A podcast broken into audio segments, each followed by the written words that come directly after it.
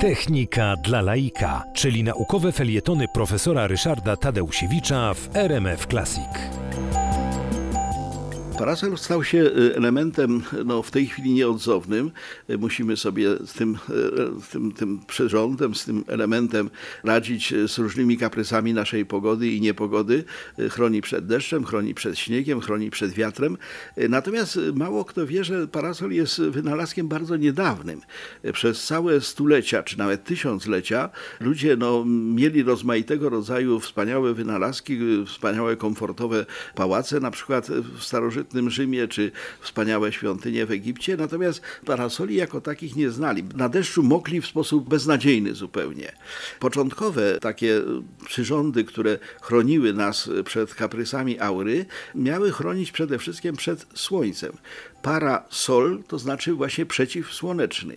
I wobec tego jako pierwsze powstały parasole, które miały chronić przed słońcem a dopiero później no, ktoś wpadł na pomysł, że jednak to mogłoby chronić także przed deszczem. Warto może powiedzieć, że spis dobytku króla Francji Ludwika XIII, pochodzący z 1637 roku, zapisywał, że w tej garderobie króla było 11 parasoli z koronki, oczywiście jak wiadomo były to parasole przeciwsłoneczne, oraz 3 z natłuszczonego jedwabiu. To były pierwsze, które zaczęły chronić przed deszczem.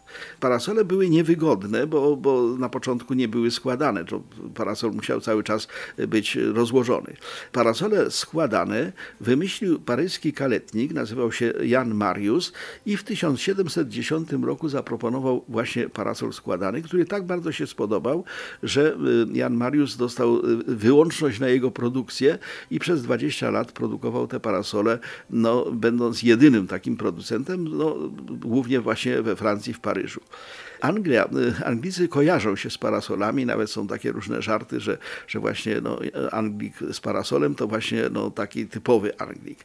Tymczasem okazało się, że w Anglii parasole się przyjmowały z ogromnym trudem. Nie to, że ich nie było, że oni ich nie mogli robić, oni się po prostu na te parasole w dużej mierze obrażali. Y, na przykład było powiedzenie, że y, prawdziwy dżentelmen nie powinien się pokazać na ulicy z parasolem, bo co robi dżentelmen? Jak zaczyna padać deszcz, no to wzywa taksów, y, nie taksówkę, dorożkę oczywiście, dorożkę z budą, no i po prostu sobie jedzie tą dorożką. No a jak ktoś chodzi z tym parasolem, no to właściwie to jest jakiś, nie wiem, aberat albo biedak, no bo, no bo nawet na dorożkę go nie stać. Wobec tego osoby, które zaczynały nosić parasole, czy zaczynały wprowadzać modę na parasole, były nawet troszeczkę prześladowane, były troszeczkę krytykowane. Był taki, y, taki bardzo znany podróżnik brytyjski, nazywał się Janas y, Conway, który w 1750 roku zaczął lansować właśnie to, co teraz jest w Wielkiej Brytanii nagminne, mianowicie chodzenie z parasolem. I okazało się, że, że, że, że jego rodacy go byli oburzeni, ale okazało się, że był na tyle wytrwały i na tyle no, dobrą rzecz proponował, bo jednak parasol jest dobrą rzeczą, że gdy właśnie ten Jonas Conway umarł, umarł w 1786 roku, każdy Anglik już chodził z parasolem.